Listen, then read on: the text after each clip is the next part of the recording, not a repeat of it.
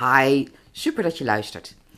Ik wil het nu even met je hebben over de manifestatie van het huis waar ik nu woon. Dit is een beetje een logische gevolg, een chronologische reactie op. Nou, dat zeg ik niet helemaal netjes, maar kan me niet schelen.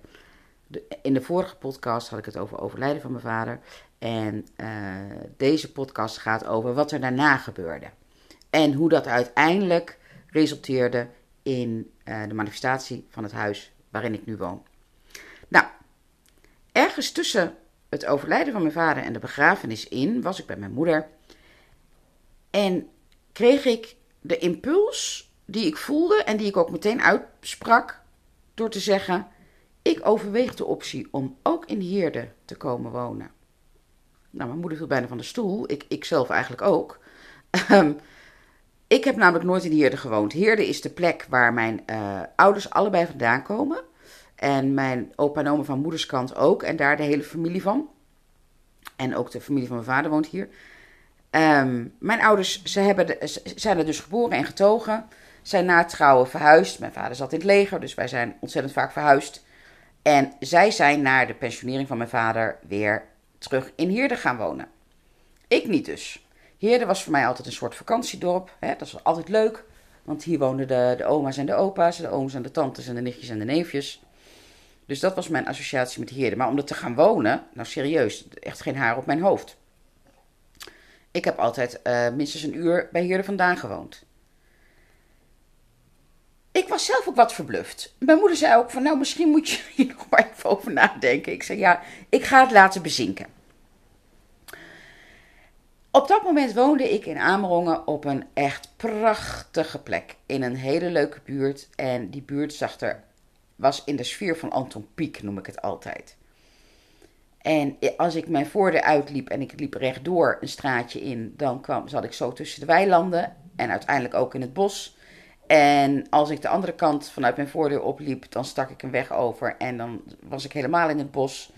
Een en al natuur, geweldige plek ook voor een hond, hè, die overal lekker los kon lopen. Dus de weken daarna, nadat ik dat gezegd had, en als ik dan vooral s'avonds, zonsondergang, met mijn hond daar liep, dacht ik: Oh, dit is zo mooi hier. Wat ga ik dit echt verlaten? En dat gebeurde zo'n paar avonden op rij. En op een gegeven moment heb ik letterlijk mijn handen in de lucht gestoken en gezegd: Geef maar een teken. Geef mij een teken wat ik moet doen. En toen heb ik het even losgelaten. En serieus waar. Twee of drie weken daarna, dat, daar wil ik vanaf zijn, kreeg ik totaal onverwacht een aangetekende brief van mijn verhuurder, want ik huurde daar een woning, dat mijn huur opgezegd werd na twaalf jaar. Ik moest zo lachen. Ik moest serieus waar zo lachen. Mijn buurvrouw, buurbovenvrouw moest iets minder lachen. kan ik me ook voorstellen. En toen zei ik nog, ja, ik vroeg om een teken. Ja, ze is lekker dan. dus, uh, en ik had dit aan kunnen vechten. Ik had hier geld uit kunnen slepen. Want de reden van opzegging was totaal niet legitiem. Dat ging helemaal nergens over. Dat was met list en bedrog en zo doorzichtig allemaal. Maar ik dacht, weet je, um, ik wou een teken en dit is het teken. Dus, en toen dacht ik, ja, wat is nu de vervolgstap? Uh, ik kan wachten tot ik, tot ik een. Ik had namelijk, oh ja, ik, kon, ik had een opzichttermijn van een half jaar en die liep af op mijn verjaardag, op 31 oktober. Nou, ook weer zoiets grappigs. En ik dacht ook meteen, hier zit mijn vader achter, hè, oude commandant. Die zal de boel hier nog wel eens even regelen.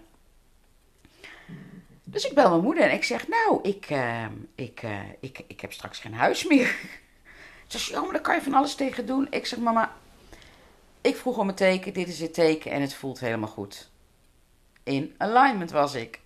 Totaal niet in paniek, wat normaal misschien wel zo geweest zou zijn. Ik kom in Heerde wonen. Toen was alleen nog van, ja, wanneer? Nou, dat heb ik even zo laten sudderen. En toen dacht ik, ja, ik kan wachten tot ik daar een woning vind. Want iedereen zei, oh, maar dat duurt heel lang en dat is allemaal heel moeilijk.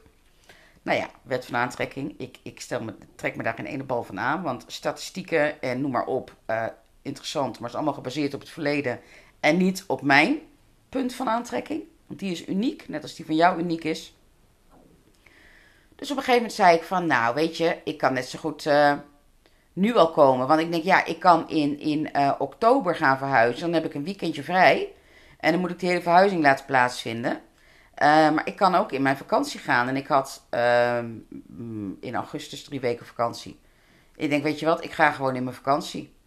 En dan trek ik gewoon bij mijn moeder in. En dan kijk ik van daaruit wel verder. Ik en bij mijn moeder wonen, als je me dat een half jaar van tevoren had verteld, had ik je aangekeken en gezegd: Je bent echt gek geworden. Uh, en op dat moment voelde het als de meest logische stap. Het voelde als de weg van de minste weerstand. Het voelde als het beste wat ik kon doen. En ik ga mezelf dan dus niet bevragen: waarom is dat nu zo? Ik ga dat niet analyseren. Heb ik niet gedaan, moet ik zeggen. Ik ben gewoon dat gevoel gevolgd. Ik heb mijn spullen gepakt. Ik heb een loods ehm, gehuurd om mijn spullen in op te slaan. En ik ben in augustus bij mijn moeder gaan wonen. En tuurlijk, de eerste dagen was, wel even, was ik even een soort van in shock. Van, oh mijn god, wat heb ik gedaan? Uh, maar ik heb de Sedona-methode, daar werk ik mee. Ik heb allerlei tools om, om weerstand te verminderen. En het is, ik had, oh ja, dat is mooi om erbij te vertellen, steeds het gevoel, al vanaf het begin af aan, in december heb ik volgens mij een woning. In december. Ik weet niet waar het vandaan kwam, dat vraag ik me ook niet af. Was gewoon een gevoel en dat zei ik ook tegen veel mensen. Volgens mij heb ik in december een woning. Want als ik aan december dacht, had ik een gevoel van thuis, van op mijn plek zijn, van goed voelen. Dus mijn conclusie was: in december heb ik een andere woning. Ik zette elke week advertenties in het plaatselijke krantje. Vrouw met hond zoekt woning. En dat deed ik elke week, dus de mensen zullen wel gedacht hebben: nou, dat schiet nog niet zo heel erg op voor vrouw zoekt met hond. Nou, dat klopte ook. Maar ik deed er verder geen moeite voor. Uh, er was ook ja, er was wel eens wat te, op te reageren, maar dat, dat werd allemaal niks. En dan dacht ik steeds, oh ja, nee, dat klopt, dat wordt niks. December, december kwam, december ging en ik had geen woning. En ik had steeds gezegd, volgens mij heb ik in december een woning. Weet je wat er wel kwam in december? Het gevoel dat ik blij was dat ik nog geen woning had. Nou, die had ik ook niet aan zien komen. Serieus niet. Dus dat was het gevoel van thuis zijn, op mijn plek zijn, me comfortabel voelen. Uh, dat klopte. Dat gevoel had ik in december van ik ben blij dat ik hier nog ben. Ik ben blij dat ik nog bij mijn moeder woon. Dit is nu thuis. Want uh, het heeft zo'n goed gedaan voor de, de, de verstandhouding met mijn moeder, de relatie met mijn moeder. Je leert elkaar toch ineens veel beter kennen dan dat je elkaar maar een uurtje of een paar uurtjes per zoveel maanden ziet. En elkaar één keer in de week even kort door de telefoon spreekt. Tuurlijk was het ook wennen en was het aanpassen, maar eigenlijk ging dat allemaal moeiteloos. Moeiteloos. Ik ben in december dan ook gestopt met die wekelijkse advertenties plaatsen. Ik denk, nee, dit is niet de manier waarop het gaat komen. Uh, ik had me wel inmiddels ingeschreven bij de woningbouwvereniging, terwijl ik ook wel wist, nou dat duurt een hele tijd. Overtuiging. En iedereen zei dat ook. Dat duurt minstens acht jaar. Dat kan me niet schelen. Ik doe het gewoon. Weg van de minste weerstand. Punt. Toen kwam, ik weet niet of ik uh, wat tussendingen nog vergeet, maar in maart, ik meen op 7 maart, zeg ik dat goed?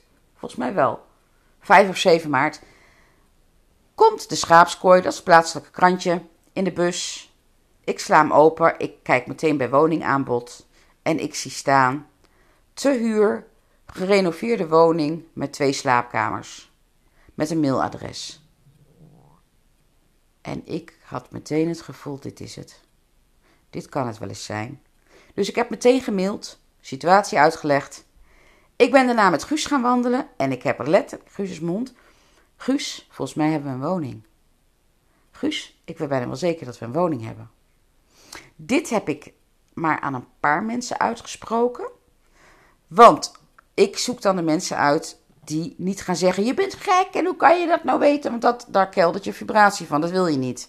Dus dat is ook mijn tip: als jij een wens of een droom hebt en je voelt dat die dichterbij komt, deel het alleen met die mensen die ook oprecht blij voor je kunnen zijn en kunnen zeggen: Wauw, wat gaaf joh. En niet zeggen: Ja, weet jij dat nou? Uh, hè? Daar heb je niks aan. Mogen ze allemaal vinden, maar het dient jou niet uh, om in jouw steady vibratie te blijven. Dus dat heb ik ook maar aan één of twee mensen gedaan. het was op een dinsdag, dat weet ik nog wel. En ik kreeg meteen een mailtje terug, een heel lief mailtje. Met dat ze heel veel reacties hadden gekregen. En dat ze een top 3 gingen maken. Met reacties die uh, het beste voelden. En die zouden ze donderdag bekendmaken. Dus donderdag zou ik horen of ik daarbij zat, ja of nee. Nou, donderdag krijg ik een heel lief berichtje van uh, Astrid. We hebben enorm veel reacties gekregen. Um, en jij was een van de. Jij had één reactie waar wij gewoon waar we erg heel, heel, blij van werden. Dus we willen jou heel graag uitnodigen om het huis te bekomen kijken. Nou, super blij natuurlijk. Dus ik ben gaan kijken. Oh ja, dat moet ik er nog bij zeggen. Dat moet ik er nog bij zeggen. Ik wilde, als ik dacht aan een volgende woning, had ik een paar wensen. Ik wilde een tuin. En ik wilde dat Guusje altijd bij mij kon komen. Nou, bij mij werkt het dan zo. Als ik denk aan een woning met een tuin, dan zie ik een woning met verschillende verdiepingen, met een trap, waar ik dus op de bovenste verdieping zou slapen. En waar Guus wel of niet bij zou kunnen komen, want Guusje vindt niet alle trappen fijn. En uh, een aantal trappen gaat ze gewoon niet op. Bij mijn moeder deed ze dat ook niet. En dacht ik, ja, maar anders zit ik op een flat. En dat is dan wel gelijk vloers, dat is voor Guus, maar dan heb ik geen tuin. Ik denk, weet je wat, ik laat het los. Ik laat het los. Het universum weet dat veel beter dan ik. En die heeft niet een tunnelvisie zoals ik. Die kent alle opties en mogelijkheden. Dus ik ga, kom het huis bekijken. En wat blijkt? Het is een bungalow. ik heb nooit aan een bungalow gedacht. Want een bungalow is gelijkvloers. En een bungalow, of in ieder geval deze, heeft een enorme lekkere diepe achtertuin. Ook voortuin trouwens. Met een hek hoog hek wat op slot kan, waar Guus lekker helemaal de gang in kan gaan. Oké, ik heb het huis bekeken. Ik had een enorme klik meteen met deze mensen. Die bleken mijn vader ook te kennen. En ook uh, mijn moeder en haar familie. En het familiebedrijf wat hier staat. Wat mijn overgrootvader is gestart en wat enorm groot is. En nee, noem maar op. Oké, dat was donderdag. En toen zeiden ze, we laten zaterdag. Ik geloof dat ze zaterdag zeiden weten. Want we hebben zoveel reacties gekregen en het blijft maar doorgaan. En het ene verhaal is nog heftiger dan het andere, want de woningnood is blijkbaar zo hoog. Ik denk, ja, ja oké, oké, oké. Ik hoor het wel. En toen kreeg ik vrijdagavond een telefoontje. Dat. Uh, ja, de nee, het was geen telefoontje, het was een appje. Zo lief geformuleerd. Jij hebt bij ons op dit moment de eerste keus, want jij werd zo blij van dit huis. En wij hadden het idee dat het huis ook heel blij werd van jou. Nou, dan krijg ik alweer kippenvel van. Ik denk, nou, wat is dit nou toch weer een mooie reactie. Dus ik belde meteen, ja, dit wil ik, dit wil ik. Um, nou was het zo dat toen ik kwam kijken, toen vroegen ze of ik er dan per 20 maart in kon. Het was op dat moment 7 maart. Eh, eh, wow. Ik zeg nou liever 1 april, want ik zou qua werk heel druk zijn. Ik had met mijn businesscoach plannen om, nou ja, dingen te doen, druk. Zou mij beter uitkomen. Oké, oké. Nu was ik, had ik eerst de keus. Toen zeiden ze, maar wil je het dat toch wel per 20 maart huren? Het grappige was dat de dag ervoor ik een call met mijn businesscoach had. En die stelde voor om de plannen die wij hadden uit te stellen, omdat het haar beter uitkwam. Nou ja. En hoe eindigt dit verhaal? Ik ben op 20 maart verhuisd. 20 maart was de datum van de eerste sterfdag van mijn vader. Ik woon aan de Duurst Britlaan. Duurst Brit was een generaal in het leger. Mijn vader was geen generaal. Mijn vader was kolonel in het leger. Nou, ik, krijg, zit hier vol kippenvel. Serieus. Het klopte aan alle kanten. Klik, klik, klik. Ik voelde alles en het is allemaal moeiteloos gegaan. Ook die verhuizing. De mensen boden zich gewoon aan. De mensen boden zich gewoon aan. Wij hebben, ik geloof in 2,5 uur was alles gebeurd. Ik hoefde in dit huis, dat was ook een wens van mij trouwens, dat ben ik nog helemaal vergeten. Het lijkt me zo lekker om in een huis te komen waar alles al gedaan is. En dan was mijn ultieme droom wel een huis wat ook echt spik en span is. Hè? Waar de plintjes kloppen, waar elk detail klopt. Nou, ik kom hier. Alles is gedaan. Alles. Uh, ze hebben het enorm moeten renoveren.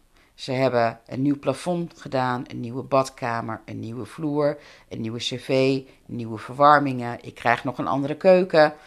Uh, alles strak in de verf gezet.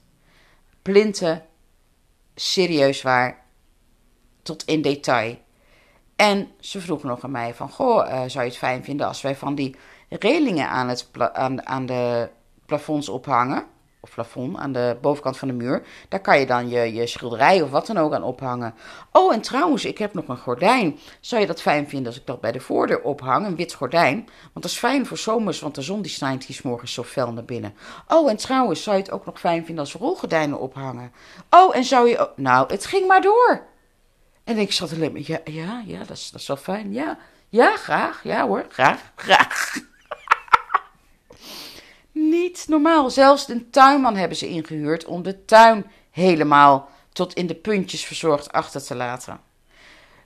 Tuingereedschap, wat die mevrouw die hiervoor woonde, hebben ze laten liggen. Een enorme tuinslang, zodat ik voor en achter makkelijk kan besproeien. Nou ja, ik kan nog wel even doorgaan. Het is niet normaal. Ik hoefde dus niks te doen. Ik hoefde het niet schoon te maken, want schoonmoeder heeft alles schoongemaakt. Schoonvader heeft nog een, ergens een, een, uh, een roostertje voor geplaatst, want anders krijgt Astrid muizen, dat is niet fijn. Ik ken de hele man niet. Hoe lief! Nou, ik vind dit echt een manifestatie uit het boekje. Serieus waar, op alle fronten klopt het. En ik woon op loofafstand van mijn moeder. Dus ik kan elke dag als ik wil, dat doe ik niet elke dag, maar een paar keer per week, loop ik daar binnen tegen borreltijd. Vinden we gezellig samen een wijntje drinken of we eten bij elkaar. Of wat dan ook. Uh, of we gaan samen naar het terras of met meerdere. Het is, het, is, het, het is erin uit het boekje. Zo gaat het dus moeiteloos. Nou, ik weet zeker dat jij misschien ook wel zulke voorbeelden hebt. Of dat je die wilt delen. Doe dat dan in mijn Facebookgroep. De Wet van Aantrekking in de Praktijk. Dit is een gratis groep van inmiddels uh, bijna 2200 leden. Waar ik dagelijks blogs post. Waar ik elke maandagochtend live ga. En um, waar iedereen meer dan bereid is om de ander verder te helpen. Het is een hele fijne, dynamische groep. Waar jij al je vragen kan stellen en je ervaringen kan delen. Dus voel je daar enorm welkom en uitgenodigd om daar deel van uit te maken. En dan kijk ik enorm uit naar contact met jou in die groep en naar jouw verhalen en ervaringen. Oké, ik hoor je graag weer bij de volgende podcast.